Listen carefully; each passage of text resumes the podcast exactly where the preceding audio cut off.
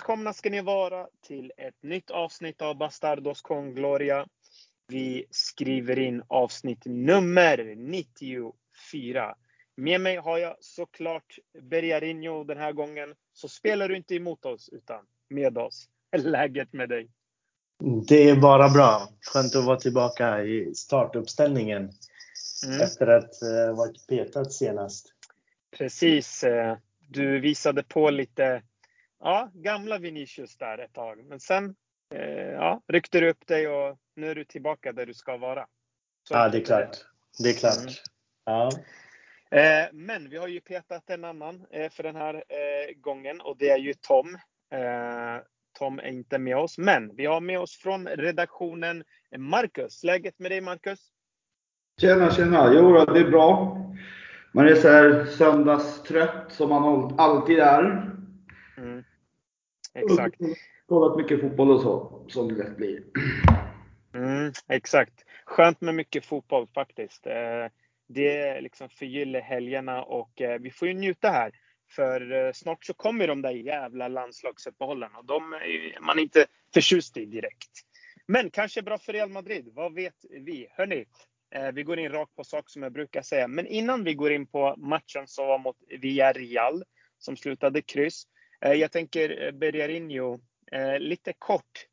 Vad, vad, vad tog du med dig från Mallorca-matchen? Något positivt och något negativt?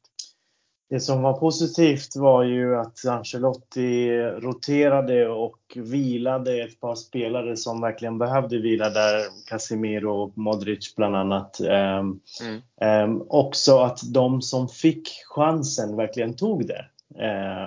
Pratar om Asensio som är hattrick, Isco kommer in och gör mål. Jovic såg pigg ut måste jag säga. Så att det är det positiva. Det negativa är ju, efter en 6-1 match, vad ska det vara då? Vi släpper in ytterligare ett mål. Ganska enkelt tycker jag. Det var ju från avspark och så driver de upp bollen och går rakt igenom samtliga lagdelar och gör eh, reduceringsmålet där i första halvlek. Så att eh, försvarsspelet återigen och då handlar det inte om eh, individer utan kollektivet. Hur bromsar vi upp ett anfall från motståndarna? Ja. Marcus, visst är det så att vi måste lyfta fram det som var positivt i den här Mallorca-matchen. 6-1. Vad tog du med dig från den matchen? Ja, alltså det är ju det flygande anfallsspelet är ju någonting som man måste trycka på. Ja. Det är ju verkligen alltså full fart framåt och alla verkar ju delta och verkligen njuta av fotbollen i laget. Sen så var det lite den gamla Vinicius i vissa avslut som man såg där, vilket inte kändes jättebra. Men annars var ju han som vanligt fantastisk i spelet så. Mm. Ja, men precis. Det var något läge där, där man bara kände oj, inte nu igen. Och så ryckte han upp sig och det blev bra. Vad jag tar med mig i alla fall, det är eh, att Ancelotti kan ta med sig så många alternativ framåt. Det känns bra. Eh, man har en Asensio, man har en Hazard, man har en Isco, det finns en Kamavinga, det finns en Jovic på bänken, eh, Rodrigo finns här och där. Eh, det känns bra liksom att det finns så många alternativ och att man kan sätta upp det på olika sätt. Och det kommer ju vara värdefullt, speciellt när man möter kanske de bättre lagen och man måste tweaka lite. Eh, det blir liksom eh, många alternativ att ta med sig för Ancelotti. Och negativa är ju lite, eh, Berger, som du säger, det här med försvarsspelet och det ska vi såklart gå in närmare på. Ja, grabbar, 0-0 mot Villarreal blev det ju. Eh, vi lämnar Mallorca-matchen, fokuserar på matchen som var. Bergar, vad, vart eller vad tycker du Real Madrid gjorde fel i första halvlek? Första halvlek så eh, var vi väldigt offensiva. Vi pressade lite hejvilt. Det var ett obalanserat lag ehm, som vi såg och ett Villarreal som var det bättre laget och kontrollerade matchen. Eh, fick se också att det här anfallsspelet som vi hade mot Mallorca, det här pressspelet, det kan funka mot lite sämre lag, mot bättre lag, bollskickliga lag som kan spela sig förbi pressspelande lag eh, blir svårare.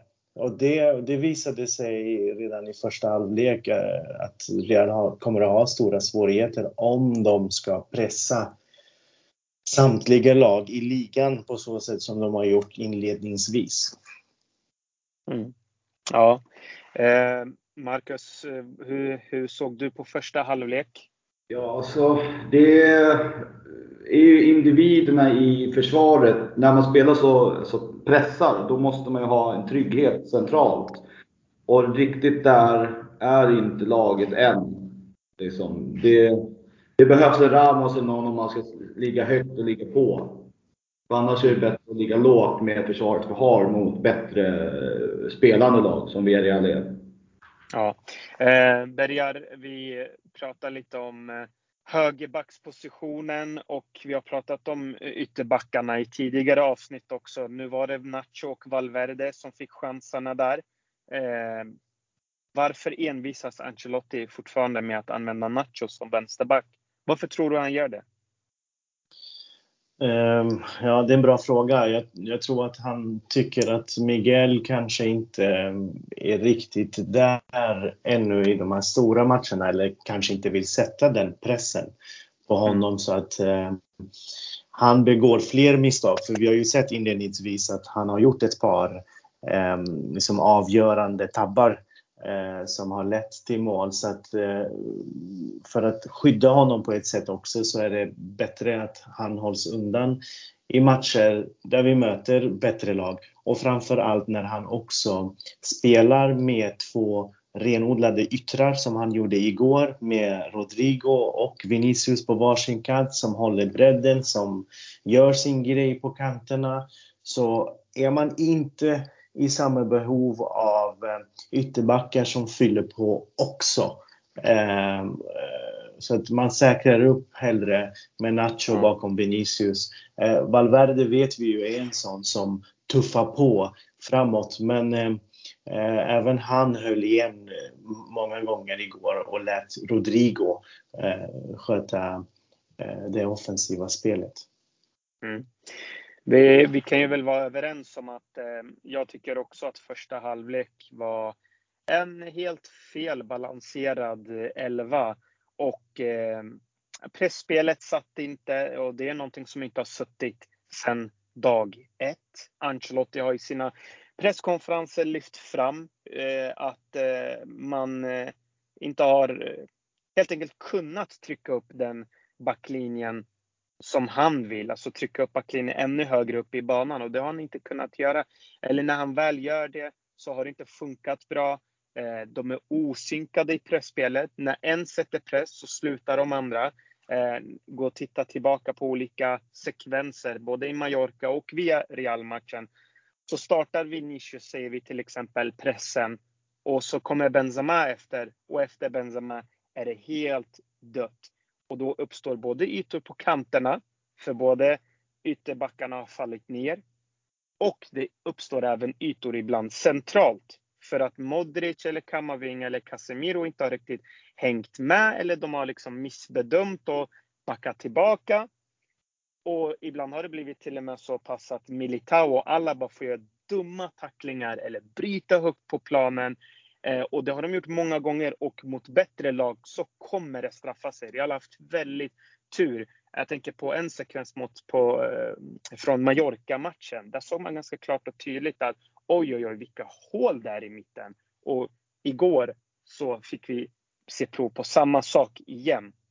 Eh, så det är någonting som Real Madrid verkligen måste eh, korrigera. Och eh, ytterbackarna, jag håller med er, det är alldeles för dåligt. Eh, och eh, jag förstår kanske att Ancelotti vill liksom balansera upp det, men det är inte så man får ett lag att se bra ut, utan man måste liksom sätta hela kollektivet.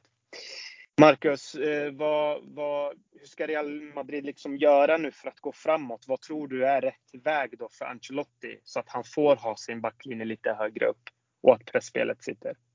Ja, alltså jag tror att mittfältet som vi har nu, de är ju... Alltså snabbheten och pressspelet är ju inte deras främsta eh, liksom, egenskap. Utan där kan det vara bra att trycka in Valverde till exempel som kan pressa, komma in i press bakom Benzema tror jag kan vara väldigt viktigt. För att då har Rodrigo och Vinicius som är mer ettriga. Så att vi ändå har en kvartett uppe som kan sätta press. Så kan andra lag liksom avvakta. Går inte pressen, då kan de backa hem. För att det blir lite tunt med eh, ja, just Benzema och Vinicius främst som pressar själva nästan. Mm. Eh, det tror jag är det viktigaste för att få in lite tyngd centralt. För på kanterna, det är bättre att styra ut motståndarna på kanten också. För där, alltså inläggsspelet och sådär, där är vi ändå relativt starka så.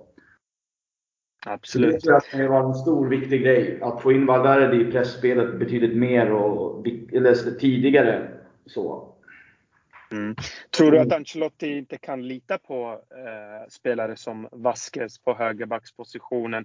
För att vi får ju se nu vad, vad som händer med eh, den positionen. Men vad tror du kommer hända just där då? Ja, så det är en bra fråga. Egentligen så känns det Vasquez som enda alternativ där. Mer hans rutin ändå. För att vänsterbacken till exempel, där verkar ju Nacho vara liksom stationerad nu. Så då är det, vi får stå ut med Vasquez helt enkelt. Mm. Mm. Bergar, vad säger du? Hur ska vi liksom gå vidare nu? Hur ska man få till det här pressspelet och vilka ytterbackar vill du se på plats? Ja, det, det är som sagt det är en bra fråga. Eh, Marcus var inne på Valverde och eh, för att kunna spela eh, fotboll där pressspelet är eh, en av eh, dina liksom, stora egenskaper så, kräver, så krävs det också spelare som är bra i, i pressen och då tänker jag Valverde är en sån spelare som skulle kunna eh, axla den rollen på mittfältet i jämförelse med till exempel Toni Kroos eller eh, Modric eller Casemiro. Ehm, så att eh, man såg det igår att det går inte att pressa högt med Casemiro till exempel. Ehm, för då, då skapas det ju så stora ytor för motståndarna bakom honom och ehm, klarar inte Modric av att sätta den pressen så får man kanske då får man tänka om eh, om, om, om det är så att vi spelar ytterligare en match där, där Valverde tvingas spela på en annan position och inte centralt i banan. Ehm, så att eh, rätt spelare behövs för att kunna eh, spela den typen av fotbollen skulle jag säga.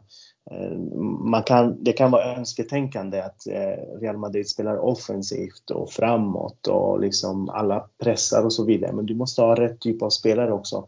Och då finns det en risk att ehm, du blottar till exempel Casemiros svagheter när han behöver pressa så högt upp som han gjorde till exempel i första halvlek igår. Eh, och eh, behöver sedan jaga boll eh, hela vägen hemåt och det, det, är inte liksom, det är inte där han ska vara.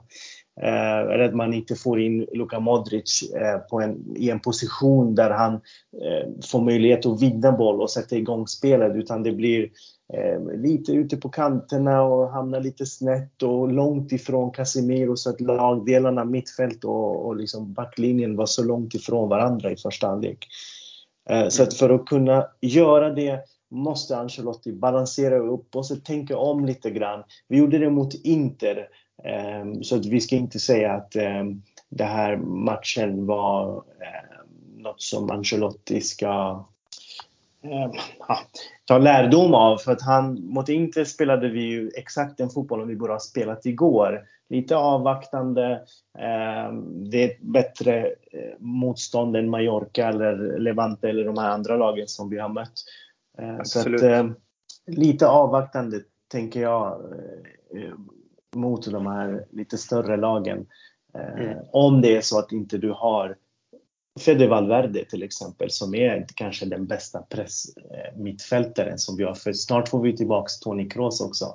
Han är inte heller den här spelaren som ska ligga högt och pressa eh, för mycket. Även om jag minns under Zidane så hade han den rollen i, i många gånger eh, bakom Benzema som Marcus var inne på. Att han pressade och låg väldigt högt. Men eh, ja, vi får se. Och gällande ytterbackarna, eh, Lucas Vasquez har ju bränt sina chanser. Um, han, har ju, liksom, han var ju usel mot eh, Valencia när han hoppade in och uh, mot Levante vet vi att han stod för två av uh, baklängesmålen. Uh, det är svårt att kunna liksom, lita på honom igen och ge honom en liksom, startplats mot en, i en match mot, mot Villarreal till exempel. Så att han får vänta på sin chans igen. Eh, och vi får hoppas på att Mandi kommer tillbaka snart och igår hade Marcelo varit eh, fantastisk att ha också. Eh, så att man börjar ju sakna honom också när man ser Nacho som vänsterback och att det inte händer någonting eh, kring mm. ytterbackarna. Mm. Ja, men intressant take du har. Eh, Marcus, det har varit väldigt mycket prat om Casemiro och att han inte har börjat säsongen bra och att eh, han ser trött ut. Eh, Felpassningar, kommer inte till sin rätta. Tror du det har med laget att göra eller tror du bara det är så att Casemiro behöver en örfil och vakna till? Alltså jag tror det är lite båda två faktiskt. Alltså, han har ju spelat väldigt mycket senaste tiden med långa resor med landslag och allt sånt där. Och eh, han ser ju lite osynkad ut. Så sen, jag vet inte, det kan ju vara svårt med, eh, med Kamavinga som spelar mycket. Alltså han är van att spela med Tony Kroos som ofta styr spelet. Och det har ju gjort, då kan ju resten av laget liksom positionera sig ut efter Tony Kroos passningsspel. Så. Nu är det ju Modric som är mer eh, flytande i spelet. Vilket gör att då kanske Casemiro mer, måste vara mycket mer aktiv både offensivt och defensivt i sina rörelser för att inte liksom stå i vägen. Så jag tror det kan vara att han inte riktigt hittat sin plats i laget. Som det ser ut. För det är ganska, ja men pressspelet som du säger, är inte helt hundraprocentigt. Så då sätts ju han på prov också, för måste försvara större ytor i och med att vi är mycket mer offensivt än tidigare. Och dessutom en grej i försvaret med eh, Militao som eh, ofta så han eh, stötbryter otroligt mycket. Ja. Och man har ju sett alltså, det är många lägen bara, alltså, som har dykt upp för att han ska stötbryta. Och då måste Casemiro liksom ta djup. Utan att, eh, eller eller på grund av Militaos positionsspel som inte är helt hundra. Liksom, så. så jag tror att han måste tänka mycket och eh, liksom agera över mycket större ytor än tidigare i och med att vi var mycket mer defensivt under Zidane framförallt. Så. Mm. Bergar, det är inte fy skam att Real Madrid eh, ligger etta och eh, man hade ju dock chansen att nu dra ifrån. Men eh, framåt här, tror du att, liksom att Ancelotti löser den här biten? För nu har det ändå gått några matcher och han har inte riktigt satt pressspelet än och det känns liksom att alla är lite överallt. Men om Kroos, när Kroos och Mendy kommer tillbaka, eh, vad tror du? Tror du Ancelotti liksom löser det här, eh, det här problemet, lilla problemet man har för stunden? Eller lilla och lilla, men ja, du förstår. Jo, det hoppas jag och, ehm, och han är ju rätt liksom, bra erfaren för att kunna eh, lösa sådana typer av eh, problem som uppstår. Eh, men det, det, det är ändå ganska stort tycker jag. Fastän det har ju sett bra ut nu och vi leder och, och det är mycket offensiv fotboll och så vidare. Men, men det är ändå ganska stort för att eh, Eh, han har inte riktigt de här spelarna för att kunna spela den typen av fotboll som han vill göra. Eh, och, och, det kan ju bli problem i längden om han liksom insisterar och tänker men det här ska vi lösa och det är så här jag vill spela. Eh, för då hamnar ju eh, Alaba och Militao ofta ute Eh, i fel position för dem. Det är för stora, eh, stora, stort avstånd mellan olika lagdelar, till exempel backlinjen och mittfältet. Så de är tvungna att stötbryta. De är tvungna att framåt hela tiden. Och, och, och försöka eh, lösa problem själva och inte lika kompakta som eh, till exempel Militao var förra året i, i Zidans system med Casemiro framför och liksom eh, där laget var mer organiserat i defensiven än, än vad Ancelottis fotboll Men självklart så eh, går det att lösa.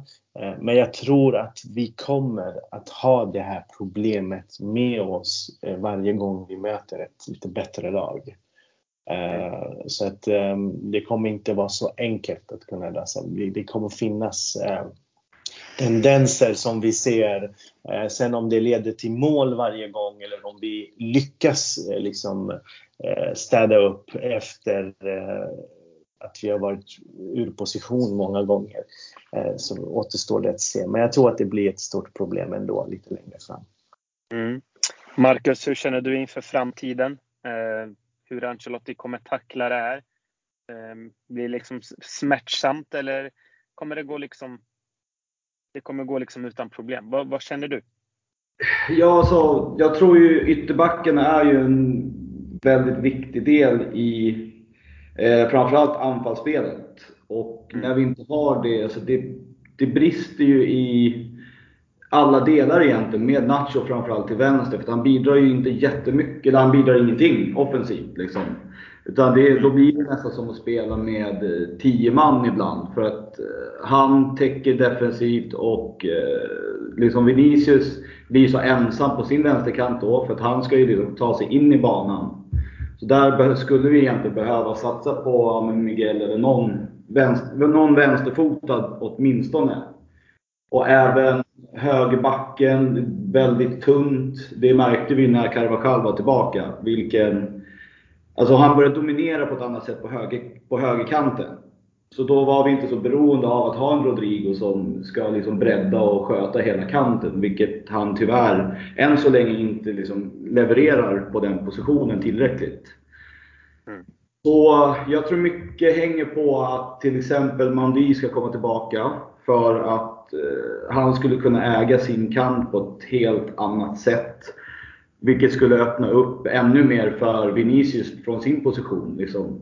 Så det är många delar som saknas. Man märker att Ancelotti vill få in ett, liksom, spel, sitt spelsystem. För att annars så tror jag att han hade valt att gå ner på en, till exempel en trebackslinje. Eh, nu tills eh, han får liksom full, fullt manskap. Men det verkar som att han vill få in sitt spelsystem och därför kör spelarna på lite fel positioner. Trots läget liksom.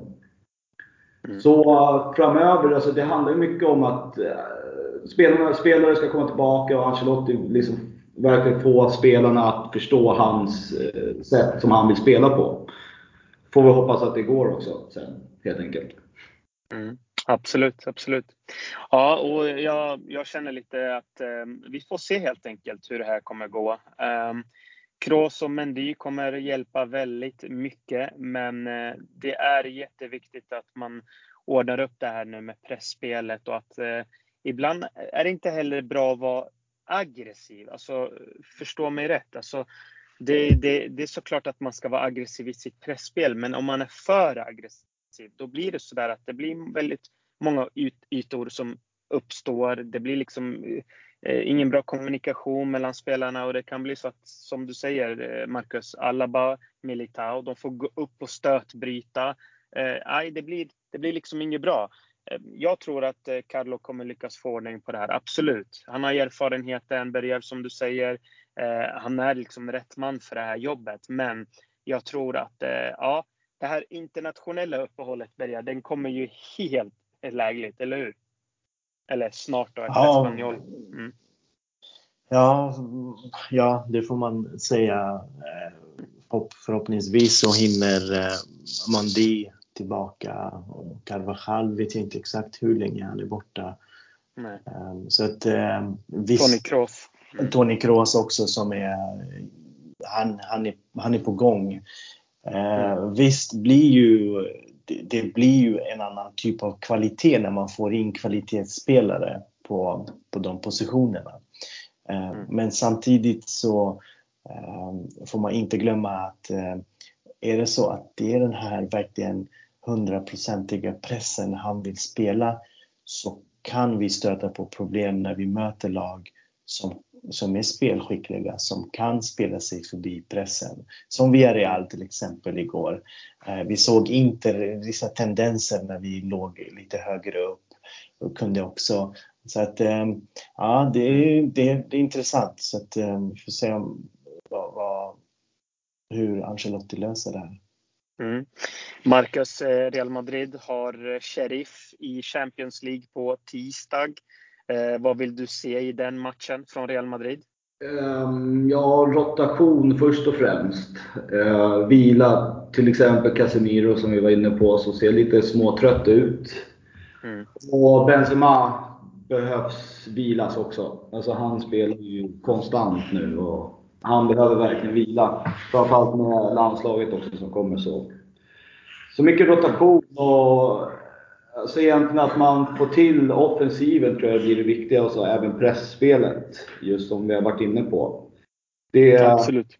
Att sätta det liksom 100% från start också så att man inte blir vissa spelare som pressar och så blir de liksom bortspelade enkelt. För Sheriff gjorde ju ändå en bra liksom, debutmatch senast. Så, så man ska inte skoja bort dem liksom. Nej. Eh, Bergar, vad vill du främst se mot eh, Sheriff? Eller Tre Sheriff, poäng. Eller hur man säger. Mm. Tre poäng. poäng.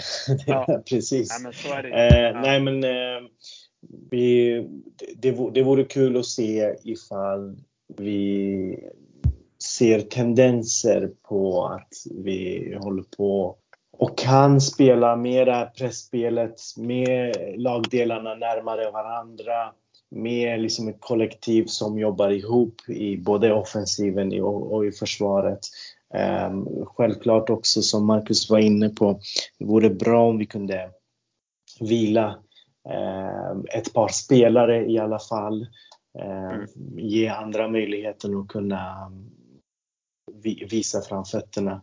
Mm. Espanyol borta är ju matchen efter och det är ju en tuff match generellt för Real Madrid även om eh, Verkligen. de brukar oftast ta hem tre poäng. Men det, det är en tuff match borta.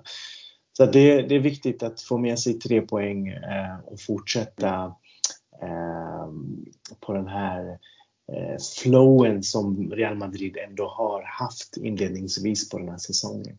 Mm. Ja, jag håller med er båda. Eh, rotation vill jag gärna se och sen vill jag också se att man återövererar bollen tillsammans. Som ett kollektiv. Håller gärna nollan så att man bygger vidare på det och får ett självförtroende inför den viktiga matchen mot Espanyol och så kan man ta det liksom vidare därifrån. Det är eh, liksom prio här, tror jag. Hörni, vi ska gå till vårt eh, segment eh, som vi har börjat med, Marcus. Eh, och vi kallar det för veckans Galactico och veckans Woodgate.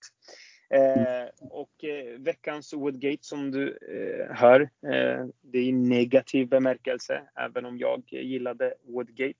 Men det är från Via Real-matchen. Vad tror du jag har valt? Har du, kan du gissa? Har du någon aning? Nej. Nej. Eh, Berger? Vad tror du att jag har valt ut? Eh, en illa? spelare eller en? Nej, ingen Nej. spelare. Nej, vad kan det vara? Eh, spännande, vad kan det vara? Mm. Mm. Mm. Nej, om jag, jag, om jag ser, nej, om jag säger så här, vart är var? Vart var var? Vart var var? Ja. ja. Det är Absolut. ju såklart, veckans Woodgate är ju såklart Nachos situationen och den går till den där förbannade domaren. Mm. Den går Ver till verkligen. den förbannade domaren som eh, tog ett helt fel beslut. Så veckans Woodgate, det, den går till honom. Ska vi klappa eller vissla eller är det bita näsdukarna som ska fram nu? Ja, exakt. Nej, men, eh, men alltså att han missar den. Hur missar han den? Ja. Albion alltså, var inte ens på boll. Han var inte ens där före. Alltså, det, är ingen, det var ingenting ur det här perspektivet som man brukar dra och säga att ah, men en spelare, han är taktiskt smart, han stängde honom, hans löp. Nej, det var det inte. Det var klumpigt, det var uselt försvarsspel. Albiol drog upp händerna direkt och det brukar man oftast göra när man vet att man är skyldig. Nej, det var solklar straff. Jag fattar inte hur han missade. Usel domare. Och det var samma domare som gav Atletico Madrid 10 minuters övertid. Och övertiden också. Fyra minuter! Det, mm. det, skulle varit minst åtta minuter om du drar ihop alla maskningar och alla byten och skador. Och, nej, nej. Det, nej, det var inget bra. Vad säger du Marcus? Rätt val eller fel? Ja, jag, ja, jag tycker den är solklar nu när du säger det så. Mm. Väldigt konstig situation alltså. Mm. Och VAR. Jag hatar ju VAR liksom, mer än någonting annat. För att vi har fortfarande samma problem som vi hade tidigare. Det är bara att nu är det VAR som vi pratar om. Liksom, ska det finnas eller inte? Istället för att prata om domarna som vi gjorde tidigare. Så ja, man är van sig vid det här. Liksom. Men helt rätt val. Mm. Berger, vad säger du? Ja, Jesus Schill kan dra åt helvete kan man säga då. Eh, mm. För det var han som tog det beslutet och han ville inte. Det känns som om ibland så vill de inte ha hjälp av VAR. De är liksom solklara på, på, på sin grej och beslutet. Eh, för mig, om han inte blåser straff, då ska det vara frispark utanför, precis utanför straffområdet i första läget. Mm. Eh, så att eh, någon, någon av de två eh, borde han ha blåst för. Men eh, väldigt konstigt. Väldigt konstigt. Mm. Ja, nej. Eh, supermärkligt. Hörni, eh, veckans eh, Galactico. Eh, jag ska inte låta er gissa, utan eh, den här tycker jag också är även den solklar. Och jag baserar inte bara på den här matchen, utan även tidigare matcher. Eh, tidigare matcher och det är ju såklart Courtois. Eh, men, vilken fantastisk målvakt Real Madrid har. Eh, och ibland visar man inte honom eh, den respekten han förtjänar. Man pratar inte mycket om honom, eh, men det ska man göra. han är ju solklar och han är inte den bästa med fötterna, men även det har blivit mycket bättre. Jag kommer ihåg när han började sin session i Real Madrid. Var väldigt osäker med boll. Det, det, ah, det var stressade situationer han hamnade. Nu är han mycket lugnare, mycket bättre. Eh, det är en situation där han är otroligt pressad och så hittar han Nacho i löpningsväg. Nej, det var vackert att se. Eh, Berger, vad säger du om hans resa? Courtois? Eh, väldigt stabil, så alltså, otrolig målvakt. För mig eh, är han där och nosar liksom eh, på första platsen eh, kring den bästa målvakten i världen. Eh, just nu. Och det är inte som sagt baserat på matchen mot Villarreal utan det vi har sett de senaste i princip två, tre säsongerna.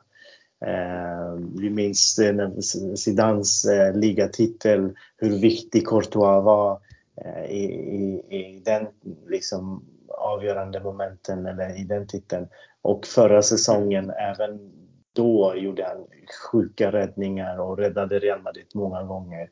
Och nu har han ju börjat på samma nivå igen. Så att, eh, otrolig, otrolig. Och det är som du säger, eh, fötterna och allt det här som man var lite orolig för.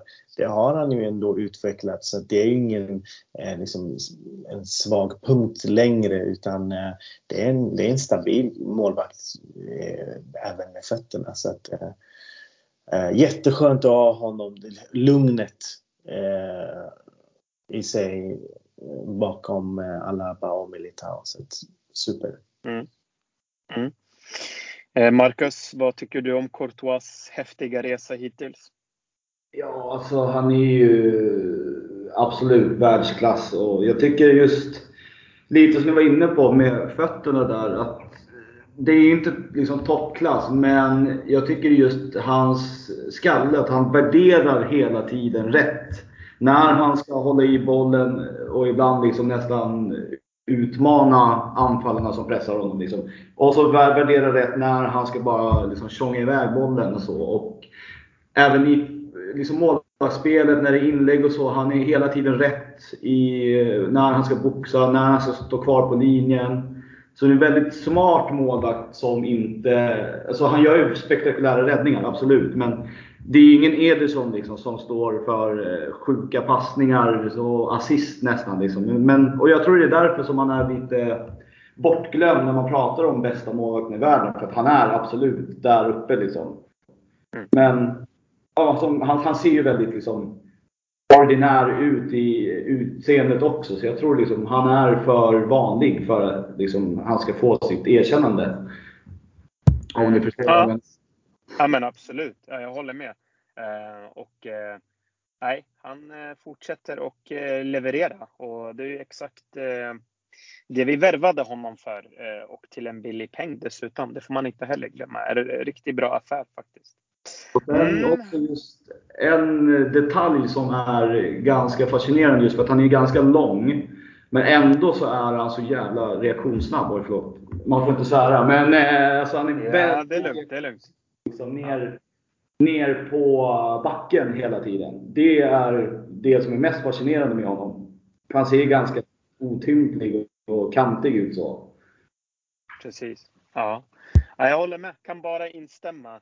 Eh, och ehm, vi får ju hoppas också att eh, hans kollegor hjälper honom också så att han inte behöver hamna i för många situationer där han ska visa att han är hur bra som helst. Hörni boys, jag tänkte innan vi avslutar, en liten sista sak jag reflekterade över igår. Eh, Bergar, jag skojade med några vänner igår på eh, chatten. Marcus vet vilken chatt. Eh, och jag skrev vinner Real Madrid mot Villarreal, äh, då har vi tagit ligan. jag var lite optimistisk och eh, jag bara kände så här, fem poäng. Real Madrid ser så himla bra ut från Mallorca-matchen och så är vi lite negativa nu, men vi vet inte riktigt vart det här ska ta vägen. Men så tänkte jag så här, nej men okej, om jag inte går på känslor utan försöka liksom se in lite i, i framtiden. Eh, Bergar, vad, vad, vad, tror du? Tror du det här kan bli en ligatitel för Real Madrid? Hur ser du på motståndarna, Atletico och Barca? Jag kan säga att jag tycker att eh, Atletico är ju Atletico. De förlorade här nu senast med 1-0. Eh, och ibland kan det se sådär tungt ut för dem. Spelet är inte framåt eh, något spektakulärt. De har absolut vinnare i laget och de är defensivt solida, men över en säsong så ska man också orka det där. Förra säsongen, det var ju flera gånger väldigt nära på att bli kryssmatcher. Eh, Barca, eh, jättemånga eh, spelare som är borta där, men de börjar komma tillbaka. Alltså Fati kom tillbaka idag, gjort mål dessutom. Men de känns inte heller vassa. Vad, vad tycker du Birger? Vart ser du liksom Real Madrid i titelracet den här, den här säsongen? Nej, det är en bra start eh, och eh, vi måste verkligen ta vara på den här starten. Eh, och för mig, mm. jag ser inte Atletico och Barca, framförallt Atletico. Barca vet vi också kommer vara med ända in i liksom, kaklet. De, man kan aldrig räkna bort Eh, Barcelona heller. Eh, men eh, ja, för mig, allt annat än en ligatitel är en fiasko. Och det spelar ingen roll vilken typ av pressspel eller hur många mål vi gör och offensiv fotboll och så vidare. Det, vi måste vinna i Real Madrid och det är det som gäller. Så att Ancelotti har inte vunnit ligan i Spanien. Han har gjort det i Italien, han har gjort det i England, han har gjort det i Tyskland. Eh, om jag inte har fel. Jo, så är det va. Eh, så att Spanien eh, saknar han och eh, det känns som om ligan är prioritering nummer ett eh, den här säsongen. Eh, så att vi, vi borde ta den. Och som du var inne på, Atletico och så vidare inledningsvis. Eh, tittar vi på Atletico Madrid, vi vet ju att det inte är ett lag som ofta gör många mål framåt. Men vi vet att det är ett lag som sällan släpper till bakåt. Eh, mm. Men tittar vi nu senast till exempel eh, mot Alaves, de förlorar med 1-0. Exakt. Ja. Eh, en, en vanlig Atletico-lag, en vanligt Simeone-lag tar med sig poäng även om de inte gör målen. Mm. Men nu de fick ju hjälp mot Villarreal hemma när Villarreal gjorde självmål i sista sekunden eh, och tog poäng därifrån. De har behövt många tilläggsminuter för att kunna vinna matcher både på hemmaplan och på bortaplan eh, mot svagare motstånd. Eh, och nästa omgång, om jag inte har fel, så möter de Barcelona. Eh, tror jag det är Atletico Precis. Barca. Ja, det är det. Absolut. Mm. Eh, så att vinner vi och de får ett kryss eller något liknande så, eh, så tror jag att eh, vi får lite lugn och ro eh, och, och, arbeta oss framåt. sen en sista grej är ju att vi nämner Atletico och vi nämner Barca. Men den här säsongen får vi inte glömma Sevilla. Mm. Eh, de var väldigt nära förra säsongen. Eh, de hängde på ända liksom in i slutspurten i ligan.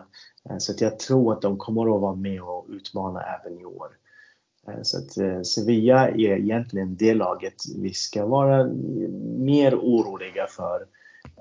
bortsett från självklart att Barca är Barca och Atletico är Atletico är liga, Eh, regerande ligamästare. Så att, eh, nej, men ligan måste vi ha i år. Så, så enkelt är det. Mm. Ja, jag anser också att det är ett misslyckande om inte vi vinner ligatiteln. Jag tycker det. Det är ett misslyckande. Eh, all respekt till Atletico Madrid och Barcelona och Sevilla. Absolut, det är väldigt tuffa lag. Vi vet att de har också rutinen, speciellt Barca och Atletico. Och Barca kommer ju absolut bli starkare med Dembele tillbaka, Ansu Fati är nu tillbaka.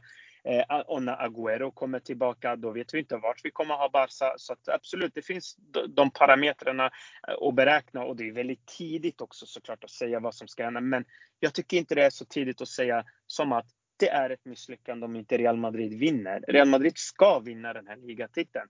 Sen såklart om det blir jättemånga skador som förra säsongen, att det blir en skadefest med 65 olika skador. Ja, då pratar vi någonting helt annat. Då såklart får man, se, då, då får man utvärdera det där och då. Men annars tycker jag att det här är Real Madrids säsong att vinna den här ligatiteln.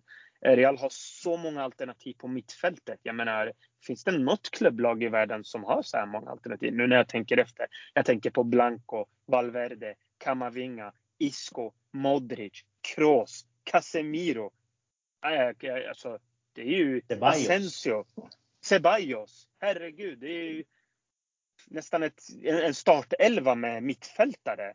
Eh, en Vinicius i toppform, Rodrigo, en Hazard som ett sparkapital. Vi har inte sett så mycket av honom nu. Ancelotti har valt att liksom bänka honom. Vi har en Karim Benzema, vi har en Luka Jovic också som har sett ganska så bra ut de senaste två matcherna.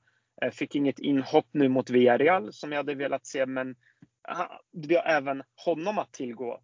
Sen är backlinjen skör, ja. Men är Mendy frisk och håller sig Carvajal någorlunda frisk, ja då kan det faktiskt, nej, jag ser Real Madrid som klara favoriter. Eh, absolut, favoritskapet är på Real Madrid. Marcus, vad, vad säger du? Vad, vad, tycker du om liksom, Real Madrid den här säsongen? Vad, vad vi ska förvänta oss i ligatiteln? Alltså, vi ska definitivt vara där eh, och hota och som det ser ut nu så mm. är vi favoriter faktiskt. Alltså, inför säsongen så då såg vi mer Atletis som klara favoriter med tanke på deras transfer i sommar. Och man blev ju lite besviken där över att Mbappé inte kom, så då kändes det som att truppen var skit. Men när vi väl börjar spela så ser man ju precis som du säger mittfältet och, och anfallet. Liksom. Det, det, är två uppställningar minst av, liksom, inte världsklass, men nästintill. Liksom. Så vi ska definitivt ta vara på den här inledningen på säsongen och är favoriter enligt min bok. Mm. Mm. Ja, det, nej, absolut. Jag tror att det avgörs lite i alltså, toppmötena. Och eh, alltså hur vi vinner, om vi vinner ett Clasico, om vi vinner eh, Madrid-derbyt liksom, och Sevilla också. Det, jag tror det kommer avgöras mycket på internmötena bland topplagen. För att poängen kommer tas mot de eh, mindre lagen och bottenklubbarna och sådär. Utan allt kommer, än mer än vanligt tycker jag, avgöras på toppmötena. Mm. Så. Ja, precis. Det ska också bli oerhört intressant att se Barcelona mot Atletico Madrid och se liksom vart ligger de här lagen någonstans egentligen. Det är lite svårt att säga. Väldigt intressant möte som eh, jag tror vi alla kommer följa väldigt eh, noga. Mm. Men jag tror faktiskt mm. det, det, kommer, det kommer vara ganska tajt hela vägen. För att lite som ni var inne på, att eh, Atletico och Barca, deras eh, liksom startelva har inte fått eh, liksom ställa sig på plan än. Även vår, vi har ju Kroos haft skada, varit skadad. Liksom och, så jag tror att om kanske två månader så här, när eh, startelverna har ordinarie startelverna står på planen, då kommer vi få se mycket mer tydligt vilket lag som kommer dra iväg. Så jag tror man ska vara lite försiktig också med att hoppas för mycket. För det kan svänga väldigt fort tror jag, framöver. Absolut, och vi vet också eh, att Ancelotti har ju en tendens att börja säsongerna väldigt starkt. För han sätter sina lag väldigt tidigt och det ska han ju ha cred för. Det var ju samma sak med Everton. Jag vet inte om ni kommer ihåg, men förra säsongen så började Everton så pass bra att de var ju på Champions League-plats. Såg ju fantastiskt ut. Och så blev det några skador och så föll man mot slutet och eh, man hamnade inte på eh, den positionen kanske man ville. Sen är det Everton, inte Real Madrid. Men jag hoppas inte Ancelotti förstör nu med att inte rotera. Det var en grej som jag tycker Zidane gjorde väldigt bra. Han roterade oftast vid rätt tillfällen eh, och gjorde det ändå på ett bra sätt. Och det är det jag vill se Ancelotti mer av. Att han inte fastnar i det här, äh, för mycket i det här att det blir att den här spelaren ska spela för att han gjorde en bra match eller två. Eller att nej, men jag kan inte bänka den här spelaren för att han är så bra nu. Jag förstår att det är svårt som tränare. Det är ju en balansgång det där. Men man måste se det över en längre period. Jag tycker snart är det också dags för Vinicius att, ta, att få sig en vila. Ja, han är 20 år. Jag håller med Ancelotti. Det är en ung kille, mycket energi och så vidare. Men eh, även en 20-åring kan också bli trött efter många matcher i rad. Och speciellt som, som sättet han spelar fotboll på. Det är inte som att han tar en löpning, två, tre, fyra. Alltså han tar ju hur många som helst. Mm. Jag Framförallt är det me mentalt också, inte bara fysiskt. Uh, så det, det, krävs att de verkligen får vila vid rätt tillfälle. Uh, och Karim också börjar. Vi får inte glömma Absolut. att han har landslagsuppehåll nu. Ja. Det är inte som eh, för tidigare år när han inte var uttagen. Precis. Så att, eh, ja. Så att mot Sheriff nu eh, i veckan, det är Champions League-match. Ehm, man kanske inte har så jättemycket att förlora. Man är på hemmaplan och möter ett lag som förvisso vann sin första match eh, mot Shakhtar Donetsk och det är ju väldigt starkt gjort utav dem och de kommer säkerligen vara påkopplade när de kommer till Santiago Bernabéu också. Men eh, samtidigt vore det ju skönt att kunna få Eh, få Benzema, Vinicius och ett par till eh, liksom bortkopplade från den här matchen så de får vila upp sig och, och vara redo. För att sen är det Espanyol, sen ska de lira eh, ett par eh, landslagsmatcher och när de väl kommer tillbaka, och då, är det, då är det full fart igen för våran del. Det är Bilbao som väntar, sen är det Donetsk borta, sen är det El Clasico. Så det är tre tuffa matcher som eh, väntar efter landslagsuppehållet. Mm. Ja, verkligen. Hörni grabbar, eh, det är dags att avrunda. Marcus, några sista ord innan vi avslutar? Nej. Nej. Nej, Nej ingenting. Nej. Hoppas Jovic nu. Vad sa du att Jovic? Nej, jag vill bara se Jovic mot eh, Sheriff. Mm. Hoppas att han kan eh, vakna till liv någon jävla gång. Exakt. Luka, Luka. Nu är det dags att visa att du är Jovic, let's go, let's go. Mm. mm. Bergar, några sista ord innan vi avrundar? Nej, eh, inget särskilt. Jag eh, tycker Hazard gjorde en eh, ganska okej okay inhopp igår. Såg mm. ganska mm, bra ut. Och det är skönt att han håller sig frisk och förhoppningsvis så får han starta mot Sheriff nu. Mm. Och få hänga sitt första balja för säsongen så du får hoppas på det. Mm. Absolut. Grymt grabbar! Eh, Marcus, tack för att du var med. Ja, men tack själva. Det var kul. Mm, verkligen. Och eh, Bergar, vi håller utkik efter din rapport. Det är du som ska skriva om Sheriff. Så jag tycker att ni alla ska läsa den när den kommer ut eh, och eh, vara med på noterna. Tack för att du var med Berger. Ja, men tack själv. Tack. Eh, och till alla lyssnare, ni vet vad vi alltid brukar säga när vi ska avsluta. Adios! Alla Madrid!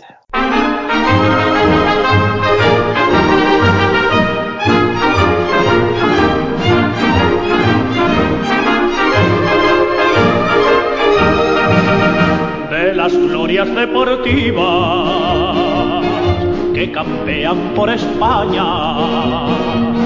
Va el Madrid con su bandera, limpia y blanca que no empaña. Club castizo y generoso, todo nervio y corazón Veteranos y noveles, veteranos y noveles miran siempre sus con respeto y emoción.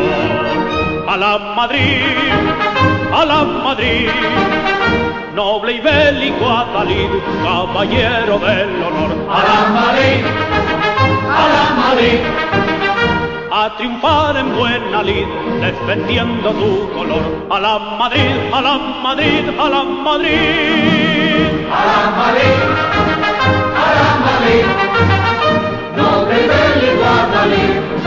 lleno